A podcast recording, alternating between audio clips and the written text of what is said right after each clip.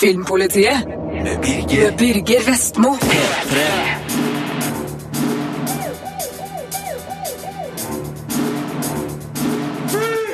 Filmpolitiet! What's your name, dude? Birger Vestmo. What kind of stupid name is that?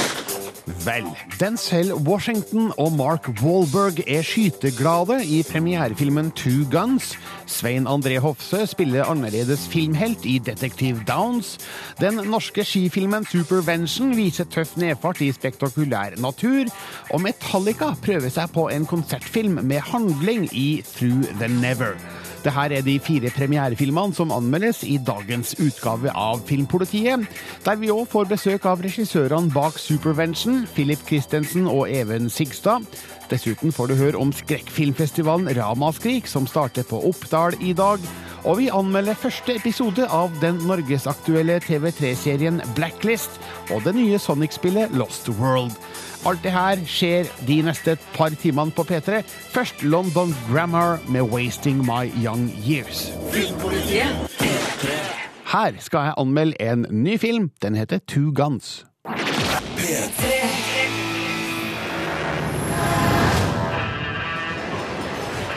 You ever heard the saying, never rob a bank across from a diner that has the best donuts in three counties? Not a saying. Yes, it is. No, it's not. I get never what you're saying. Maybe you but it's not heard a saying. It is a saying. Okay. It's a saying now.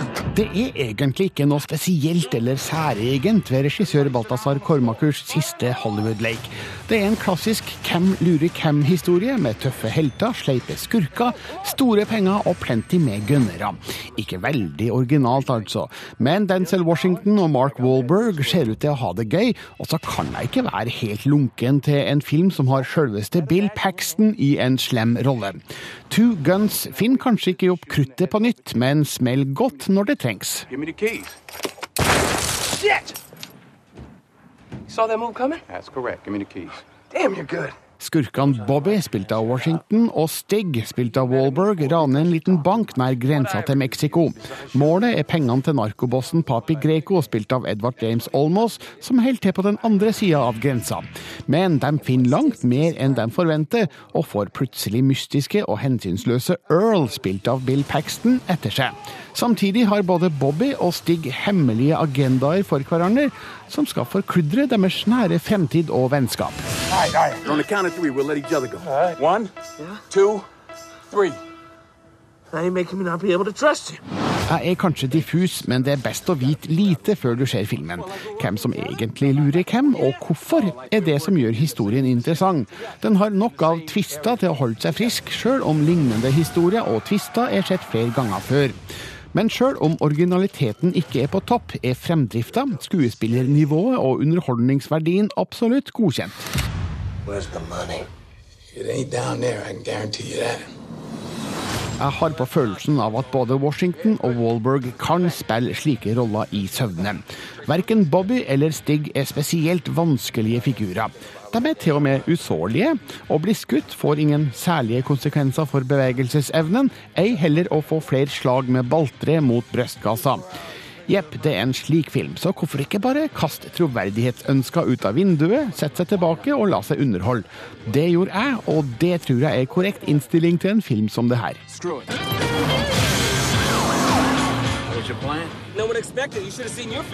Balthazar Kormakur kunne nok trådt hardere til i skytesekvensene for å gjøre dem enda mer underholdende når han først er ute i tullefilmland. Men siden Bill Paxton fra Aliens, Near Dark og True Lies har fått rollen som sjefskurken, tilgir jeg det. Earl er kanskje ikke filmhistoriens beste skurk, men Paxton fungerer greit nok i en film som ligger på samme nivå, altså grei nok. Kormakur leverer godt nok til å kunne fortsette å veksle mellom islandske og amerikanske produksjoner. Two Guns når kanskje ikke de høye toppene, men er bedre enn hans forrige, Contraband, som også hadde Wahlberg i hovedrollen. Hans neste film er klatrefilmen Everest. Kanskje kommer han til topps med den? Filmpolitiet på P3. Sjekk ut video fra Two Guns på nettsidene våre p3.no filmpolitiet. P3. Norges skumleste filmfestival går av stabelen akkurat nå i Oppdal i Sør-Trøndelag. Den heter Ramaskrik, og med meg på Skype fra Oppdal er festivalsjef Morten Haagensen. Hallo! Hei, hei. Kan du forklare hvorfor eksisterer det en egen eh, skrekkfilmfestival, egentlig?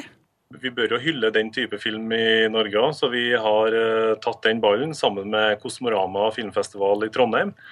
Og for de har hatt eh, planer om det her eh, egentlig flere år, og eh, fant ut at på, i ei fjellbygd med litt mørke høstkvelder og eh, en fin, flott natur, så passer det fint med en eh, skrekkfilm, sjangerfilmfestival. Ja, er det en litt sånn fritt vilt-vibe over Oppdal akkurat nå? Ja, det, vi har i hvert fall fått, eh, fått litt snø, og vi har høstfarger og det er mørke kvelder, så det kan jo være skummelt her. Vi prøver å lage litt spooky stemning, vi gjør det. Men hva slags type film er det da man får se på, på Ramaskrik? Det er skrekkfilmer fra hele verden. Vi har eh, vært rundt omkring på festivaler og kikka og funnet ny film. Vi har eh, sett en hel haug med filmer fra produsenter og distributører over eh, hele verden.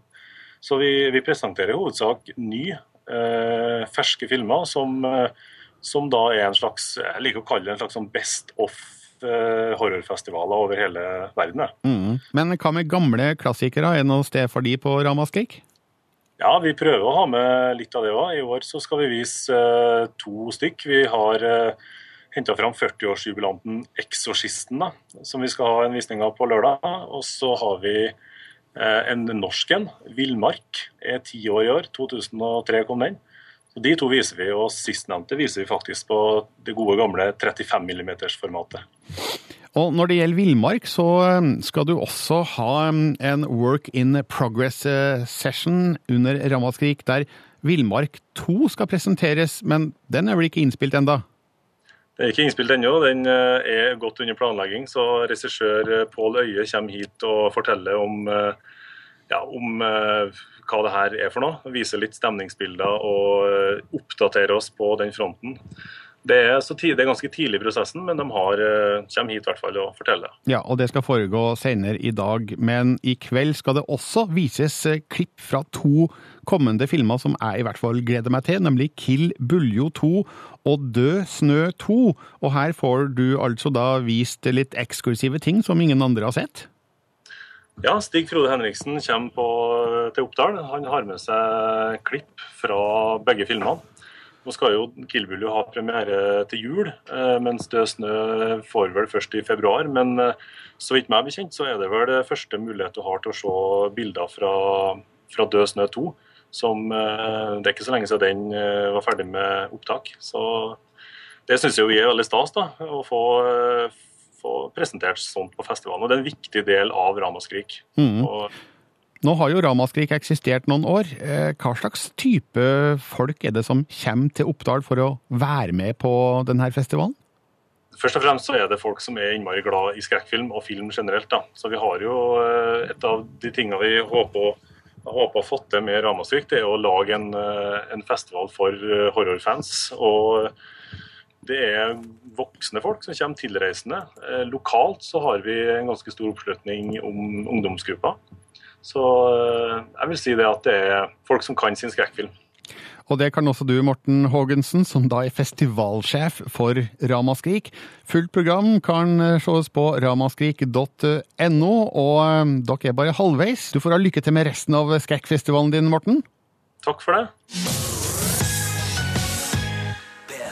Det var Stubborn Love med The Lumineers i Filmpolitiet på P3. Vi skal over til en litt annen form for musikk, Andreas Hatzel Opsvik. Ja, det er litt, litt hardere i hvert fall enn The Lumineers. For i dag er det premiere på um, konsertfilmen Metallica Through the Never. Men uh, altså, det er ikke en ren konsertfilm heller, Andreas? Nei, eh, hadde det vært en ren konsertfilm, så hadde den kanskje ikke blitt satt opp på kino på denne måten. Eh, det er Metallica som da, eh, sammen med en relativt eh, streit konsertfilm, så vever de òg inn ei fiksjonshistorie eh, midt oppi det her. Another night, another show. I do what they tell me. I go where they send me. But sometimes the moment that changes everything is the one you never see coming.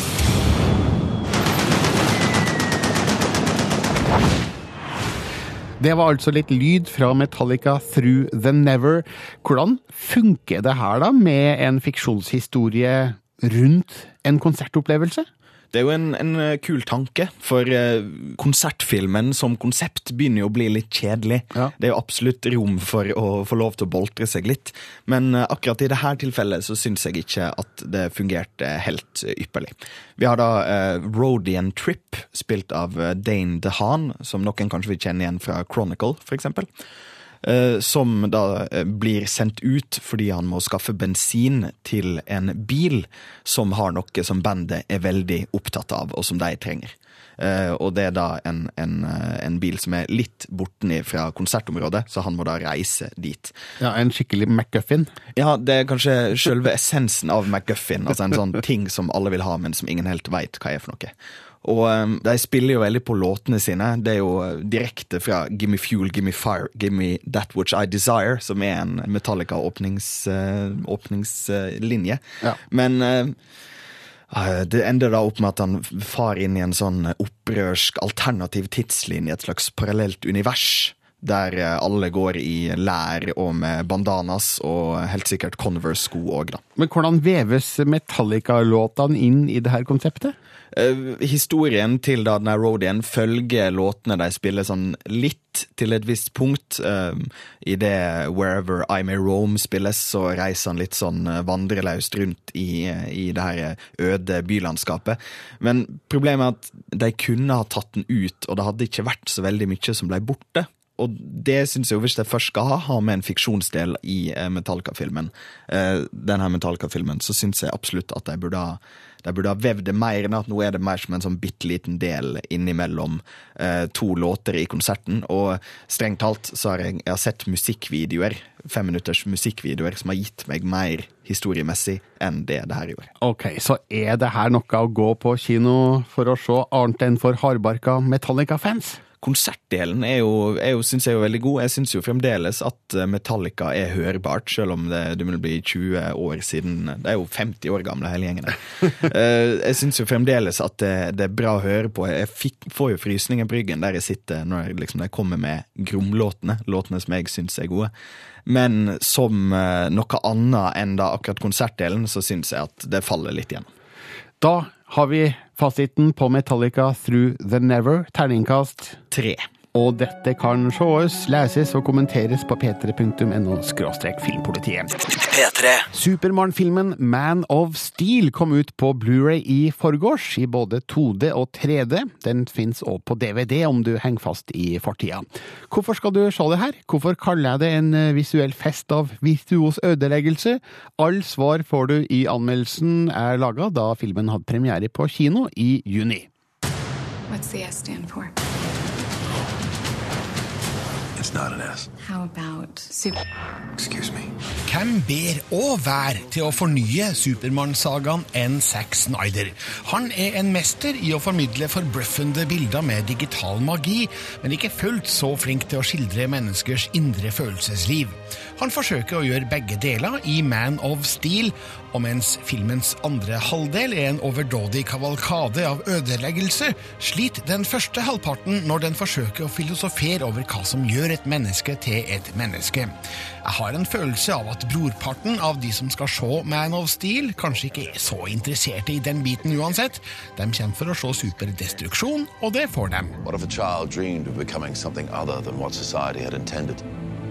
What if a child aspired to something greater? Også denne versjonen av sagaen tar til på Krypton, hvor vi ser Jor-El, spilt av Russell Crowe, sende sitt spedbarn ut i verdensrommet like før planeten ødelegges, men ikke før han har fått være romhelt med imponerende rustning og våpen.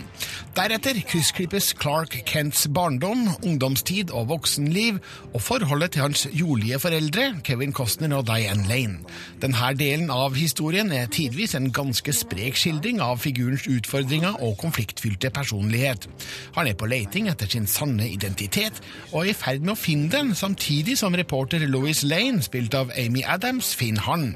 Hun blir en viktig brikke når verdens eksistens trues av general Sodd, spilt av Michael Shannon. Surrender within 24 hours or watch this world suffer the consequences. Henry Cavill imponerer meg som Clark Kent, både med og uten kappe.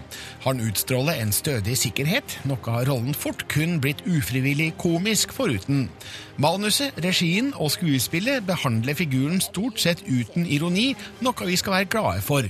Se hva som skjedde med Batman-figuren i de tøysete Joel Schumacher-filmene. Men det Man of Steel ikke makter, er å skape et troverdig par av Clark Kent og Lois Lane.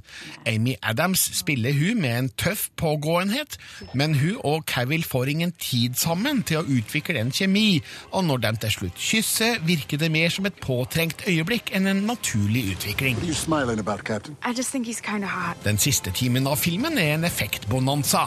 Med Zack Snyder bak kamera er det duka for en visuell fest av virtuos ødeleggelse. Men for mye av det gode er som kjent uheldig, og Snyder kjenner ingen begrensninger.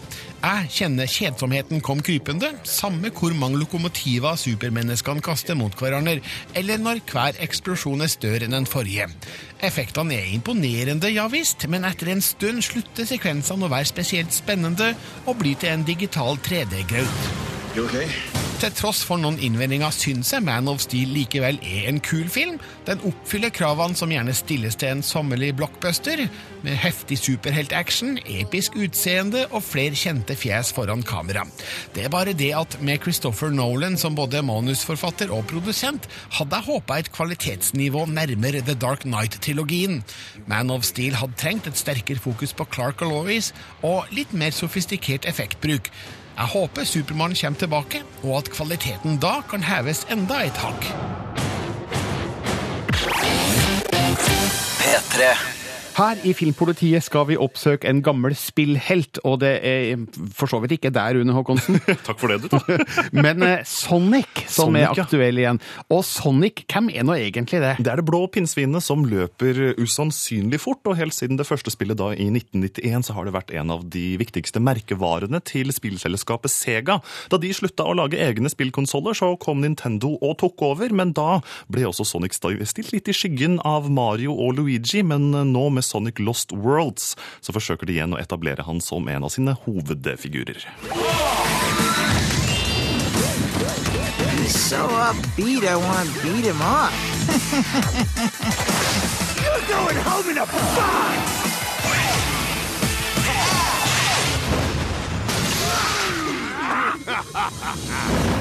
Ja, det var litt sprek lyd fra Sonic Lost World, som slippes for VU og Nintendo 3DS. Og hvis du ser på Sonic nå kontra Sonic i 1991, er det den samme gamle, eller har det skjedd noe? Det har skjedd veldig mye, men grunnlaget er akkurat det samme. Denne, dette pinnsvinet må ut og redde små, søte dyr fra en ond professor som har fanget dem til å styre onde roboter. Så det er jo denne klassiske økokrigeren som fortsatt står i fokus. Men det nye i Sonic Lost World er at de tar hele spillet inn i en 3D-verden. Og det er det som fungerer aller best. Den nærmeste si, lignende spillopplevelsen man kan peke på, er nettopp Nintendos egen Super Mario Galaxy-spill, hvor Mario får lov til å leke seg i en fullt designa 3D-verden, hoppe mellom planeter osv. Dette har de også tatt med inn i Sonic Lost World, og det fungerer veldig godt. Og det er veldig artig og morsomt å se hvordan denne blå spillhelten klarer å, å tilpasse seg en, en 3D-verden. Men det jeg husker godt fra de første Sonic-spillene, kanskje ikke spilt det siden tidlig 90-tall, er at han springer veldig veldig fort og samler masse gylne ringer. Mm, Og akkurat dette ligger også til grunn for opplevelsen nå. Men det som er litt fascinerende, da, når du har en sånn 3D-verden som er så veldesigna, og brettene som inneholder så mye, så føles det litt rart å bare løpe forbi i full fart og ikke få med seg egentlig alt som er der.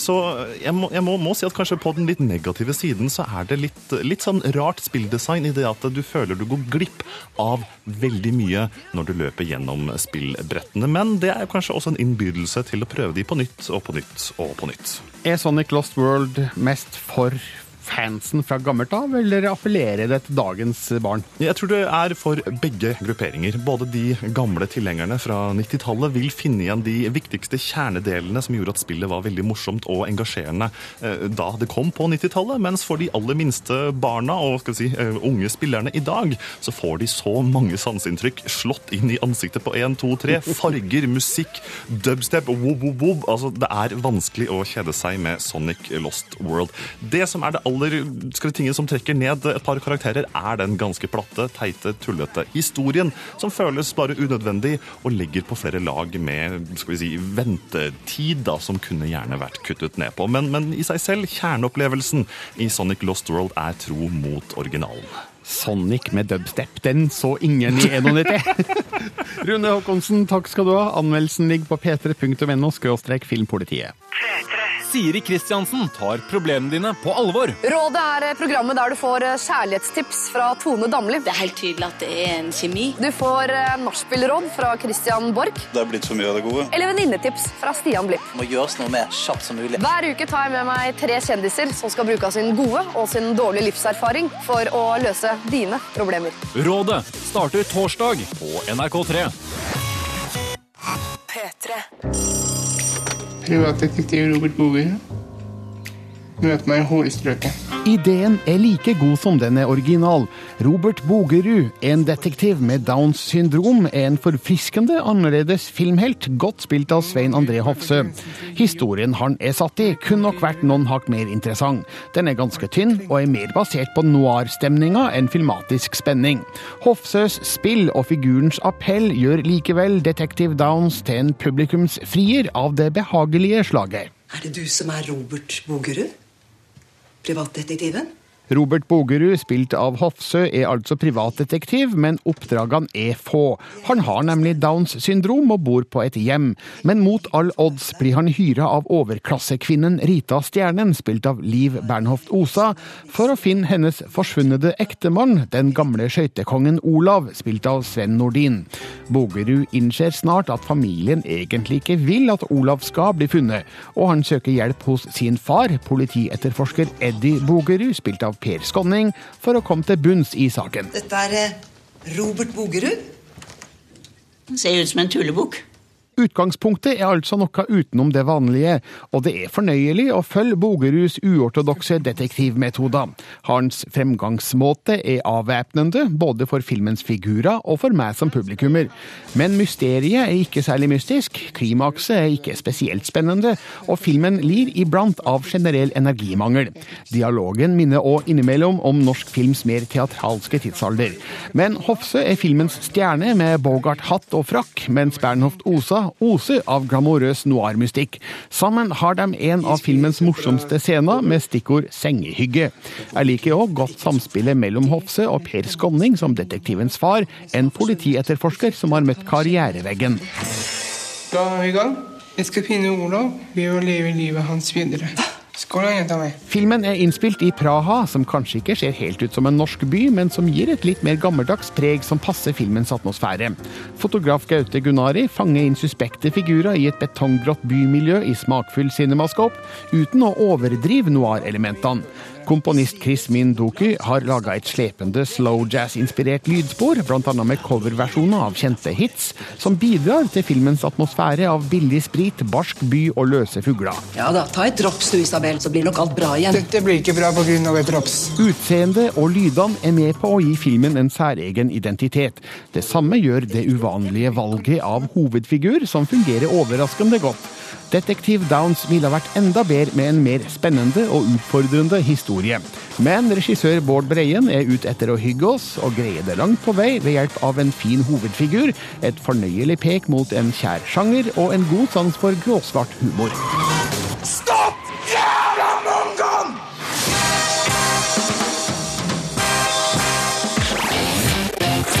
P3. Og da skal det handle om den norske skifilmen som har kinopremiere i dag. Den heter Supervention.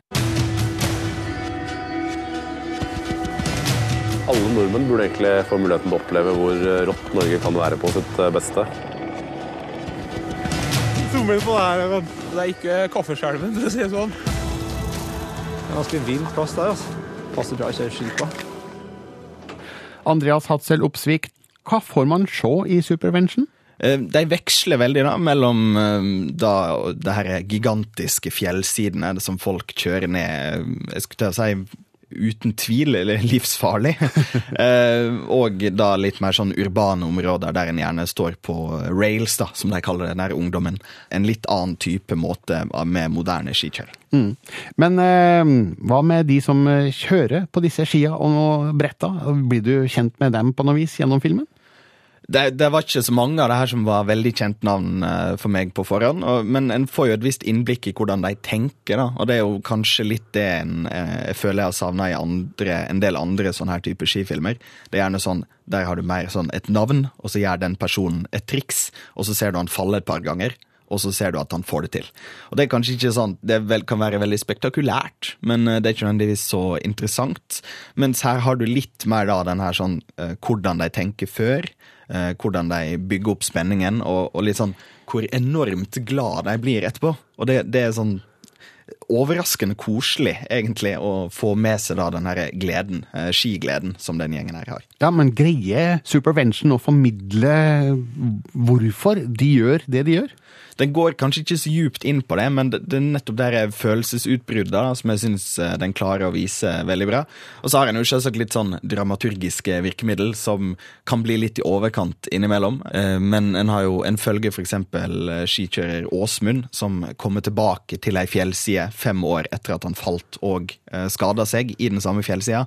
Og det blir da bygd opp til det i løpet av dokumentaren. Og en da Uh, ja, Jeg skal ikke avsløre noe, da, Nei. men overraskende nok så, så står han i hvert fall på toppen av den samme fjellsida litt etterpå. Ok, Men så har jeg en følelse av at hvis man har sett én skifilm, så har man sett alle. Altså, Har Supervention noe som gjør at den hever seg over de andre? Peker seg ut, skiller seg ut på noe vis? Uh, igjen, Jeg skal ikke si jeg har et enormt uh, djupt og bredt uh, forhold til skifilmen. Uh, men jo da, jeg har jo sett mye av det her før. Men de klarer liksom å ta en liten vri på det. Blant annet med de um, helikopterkameraene. De små helikopterkameraene som har blitt så populære her og der i det siste. de klarer å bruke det for å få vinkler som er gjerne litt unormale, i, i, spesielt i sånn bysettinger og sånt. Som i hvert fall for min del var en, en ny opplevelse. Du har gitt terningkast fem til Supervention, og det håper jeg regissørene er fornøyde med. Straks er Philip Christensen og Even Sigstad på besøk her i Filmpolitiet. I sted hørte du Andreas Hatzel Opsviks anmeldelse av Supervention, som får terningkast fem. Og det er vel gode ord for de som har regissert filmen, nemlig Philip Christensen og Even Sigstad. Velkommen! Tusen takk. Takk skal du ha. Terningkast fem er helt greit, eller? Ja, Det er uh, over all forventning, egentlig. Det er vi ja. veldig fornøyd med. Ja, men det er godt. Uh, Supervention er altså en uh, ski- og snowboardfilm. Og Philip, du har jo laga flere slike tidligere, f.eks. Being There, Side by Side og Ice Wide Open. Hvordan ramla du inn i skifilmskaperyrket, hvis vi kan kalle det det? Eh, jo, det startet for ca. ti år siden eh, hjemme i Lørenskog, på jordene utafor eh, barndomshjemmet mitt. Eh, der jeg hadde en kombinasjon av glede for film og skikjøring. Og så ja, filmet vi bare med kompiser ute på jordene og eh, hadde det veldig gøy. Eh, etter hvert så møtte jeg flere andre mennesker som ble involverte, blant annet da Even Sigstad, som sitter sammen med meg her. som har vært med da siden første filmen som skikjører, men nå også som regissør, da. Ja, hvordan har du rykka opp til registolen, Even? Uh, jeg begynte vel uh, Først så var jeg bare med og kjørte ski, men uh, så ble jeg mer involvert med selve filminga.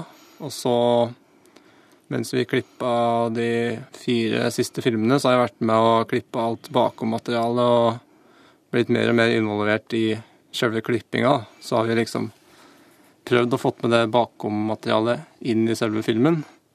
Og da har jeg vært mer og mer med på regidelen av hovedfilmen som vi kommer med nå. Mm. Hvordan har det funka, Philip? Etter å ha vært enerådende regissør, så er du nå sammen med en til? Vi er jo to til også, Jan Petter Årskog og Lasse Nyhaugen, og Even Sigstad og meg, som har sittet og klippet dette.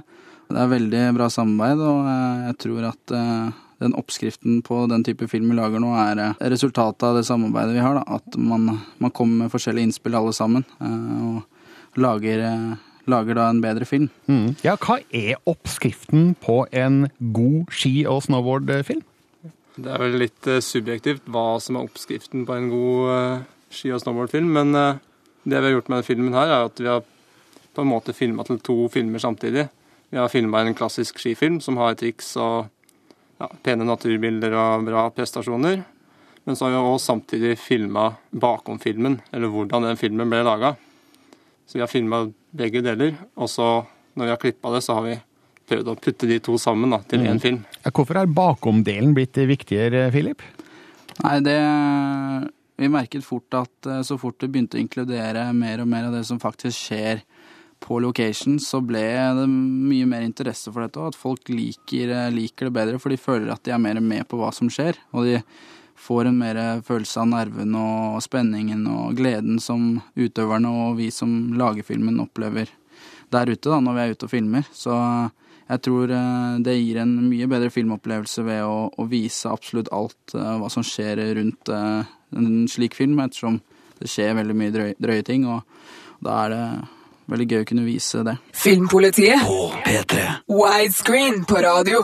Her har vi besøk av Philip Christensen og Even Sigstad, som er regissørene bak skifilmen Supervention, som har norgespremiere i dag. Og Philip og Even, dere har vært verden rundt for å filme scener til denne filmen. Kan dere fortelle litt om hvor har dere egentlig vært? Eh, Vi har vært eh, mye i Norge. Vi har vært i Lyngsalpene i Nord-Norge, vært på, i Sunnmørsalpene på Vestlandet, vi har vært på, i Barentsburg, i den russiske delen av Svalbard. Vært eh, på New Zealand, Alaska, Canada, eh, og litt i Sverige, og eh, Lillehammer, Østlandet. Mm. Så eh, veldig stor variasjon på plassene vi filmer på. Eh, desto mer eh, En bedre film, vil jeg påstå. At eh, klarer å vise litt av alt, men eh, først og fremst vise den fantastiske naturen vi har i Norge. Da. Men hvordan går dere frem for å velge locations? Det er jo litt i bakgrunn av den erfaringa vi har.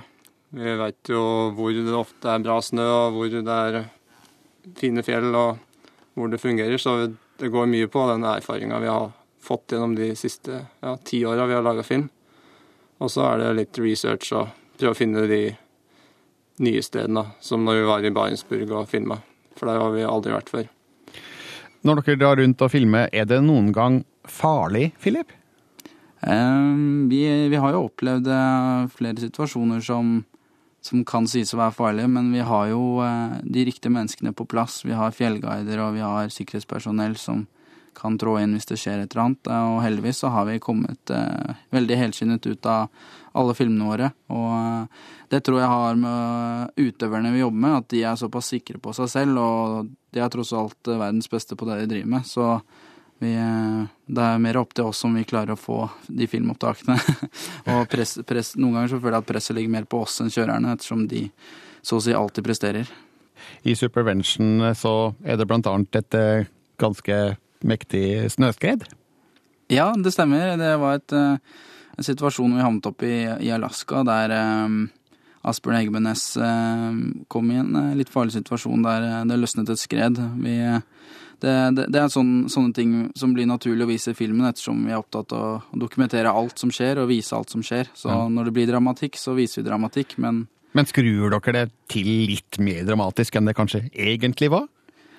Nei, faktisk i filmen så føler jeg at uh, når jeg ser den delen i filmen, så føler jeg akkurat det samme jeg følte når jeg satt i helikopteret og filmet det selv. Uh, nervøsiteten og denne usikkerheten, uh, den, den er i filmen, og det var sånn jeg følte det selv. Og, men det er også viktig å, å legge ved det som skjer etterpå, at man faktisk innrømmer at man gjorde en feil ved å kjøre den siden.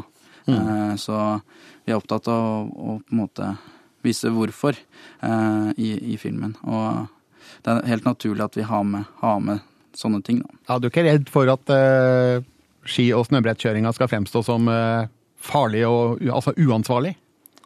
Jeg tror uh, etter å ha sett filmen, så forhåpentligvis så ser ikke folk på oss som en gjeng med gærninger, men ja, vi gjør jo mye som vanlige folk ikke ville gjort, så Mm. om vi blir sett på som litt gærne, så får en tåle det.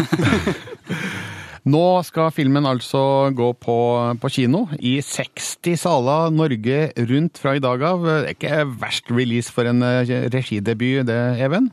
Nei, det er over all forventning, som sagt. Det er litt sprøtt. Og med terningkast fem fra Filmpolitiet så er suksessen sikra. Forhåpentligvis. Eh, tusen takk, Philip Christensen og Even Sigstad, og lykke til med kinopremieren på Supervention. Jo, tusen takk for det. Takk skal du ha. Filmpolitiet. Dette er P3. På søndag starter en ny TV-serie på TV3. Den heter Blacklist og har James Spader i hovedrollen, som kan regnes som eh, et av medlemmene i 80-tallets The Brat Pack. Andreas Hatzel Opsvik, jeg vet ikke om du har noe forhold til Spader fra den gangen, men du har fått et forhold til han nå gjennom Blacklist? Absolutt. En, en eh, artig, artig fyr. Det kan vi vel si. Men hva med TV-serien? Er den artig? Hva, hva handler det her om? Eh, Det her handler om en, eh, en såkalt concierge of crime. eh, En, en slags fikser for kriminelle som gir seg hen til FBI. eh, Sier at han overgir seg. Eh, Og da en mann som har blitt etterfulgt i, i mange, mange år, plutselig dukker opp ut fra ingenting. eh, Og sier at han har eh, veldig mange ting som FBI vil være interessert i. Men eh, et, et viktig, en viktig ting som han vil ha gjennomført. Han vil utelukkende snakke med den helt ferske FBI-forhandleren Liz Keane. Must be good to be home again, sir. Well, we'll see about that. Good afternoon.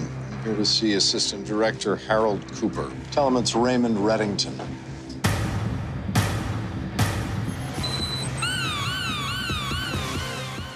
Dette var lyd fra Blacklist, som altså har premiere på TV3 søndag kveld. Og eh, nå sa du litt om historien her. Eh, Det er jo et eh, litt originalt utgangspunkt, men hva handler det om? Er det at han skal avsløre sine gamle skurkekolleger? Eh, I da den første episoden som jeg har sett, så har de en, eh, en østeuropeisk kriminell som eh, har eh, mye å hevne. Og det er jo tydelig at han her eh, Raymond Reddington, som da James Spaders rollekarakter heter, eh, har hatt veldig mange fingre med i spillet eh, på oppladningen til det da den her eh, terroristen har lyst til å gjøre. Eh, og, og det ender jo med å bli litt sånn Du får litt sånn eh, over the top, da. Eh, For det er veldig sånn Det blir litt overdrevent hvor mange eh, fingre og hvor mange situasjoner han kan ha forutsett. Ja. men det hindrer det ikke fra å være gøy. ja, vi liker jo over the top. Ja, absolutt. Og, og, og det, ender- det, det, blir litt sånn eh, eh, En kan jo uh, på mange måter si at TV av og til blir litt sånn eh, superkriminell fetisjisme. Altså det er sånn wow, se hvor mange ting han her klarer å ha kontroll på samtidig. Eh, og hvis han har sansen for den typen TV-serier, så er det her, tror jeg absolutt det her kan bli eh, interessant. Mm. Noe for hele familien, eller er det litt for voldsomt for det? Eh, Jeg vil si det er litt for voldsomt for hele familien. Det er en ganske alvorlig tone gjennom det hele, og, og relativt uh, på det de på engelsk kaller graphic. Uh, Men uh, jeg, jeg syns likevel at de, hvis de klarer å holde skurkene interessante, så kan det absolutt være en interessant serie. Ja, og det er da basert på den første episoden. Det er jo laga flere som skal sendes på TV3 utover vinteren. Og ja, og da har da, de tatt utgangspunkt i at denne her The Blacklist er eh, Raymond Reddington sin liste over kriminelle som han kan utlevere. Eh, Og det vil eh, mest sannsynligvis være én kriminell per episode. Vi får se. Fra og med søndag vises Blacklist på TV3. En grunn til å se på TV3? Det er nesten sjokkerende, Andreas. Ja, det er helt OK for min del. Filmpolitiet. Og sist onsdag, i forgårs altså, kom The Lone Ranger ut på Blu-ray og DVD. En film som Disney hadde store forhåpninger til, men som skuffa dem stort finansielt sett. Men eh, filmen skuffa også innholdsmessig. Det syntes Marte Hedenstad da hun anmeldte filmen ved premieren i juli.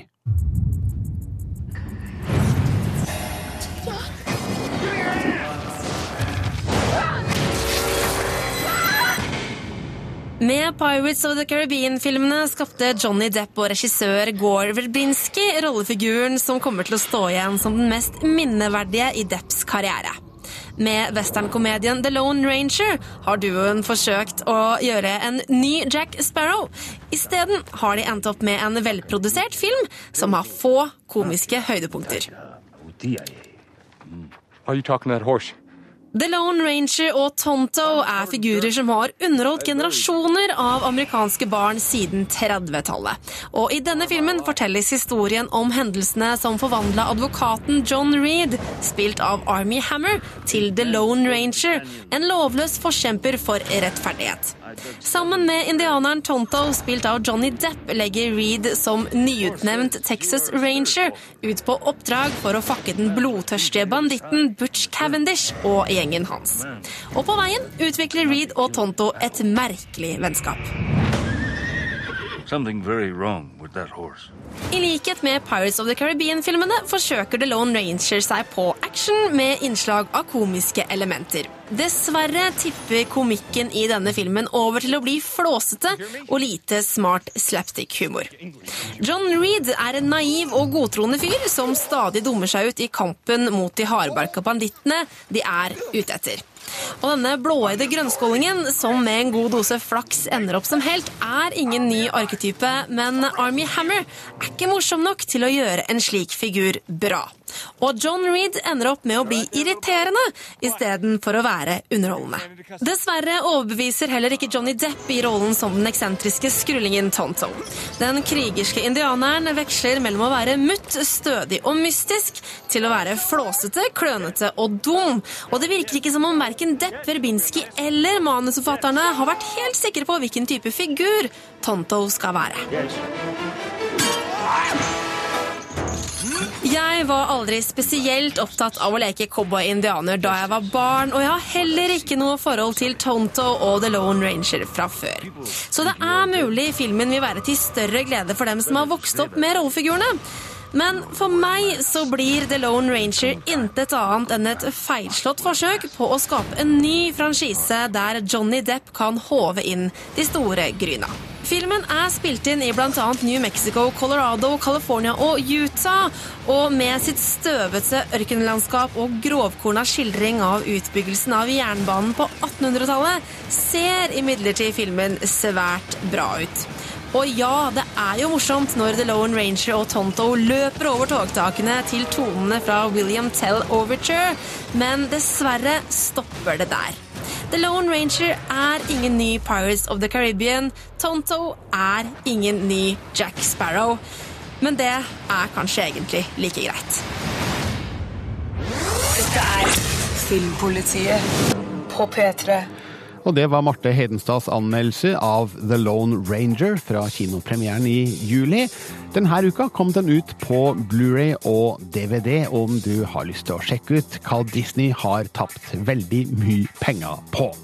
Filmpolitiet nærmer seg slutten. Jeg heter Birger Vestmo. Etter nyhetene klokka ett er Kristine klar på P3. Og så vil jeg gjerne at du sjekker ut nettstedet vårt, p3.no filmpolitiet. Der finner du bl.a. en podkastversjon av det du nå har hørt på radio.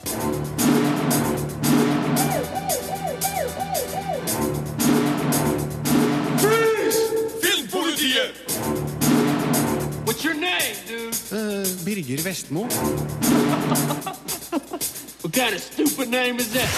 Hør flere podkaster på nrk.no podkast. 3.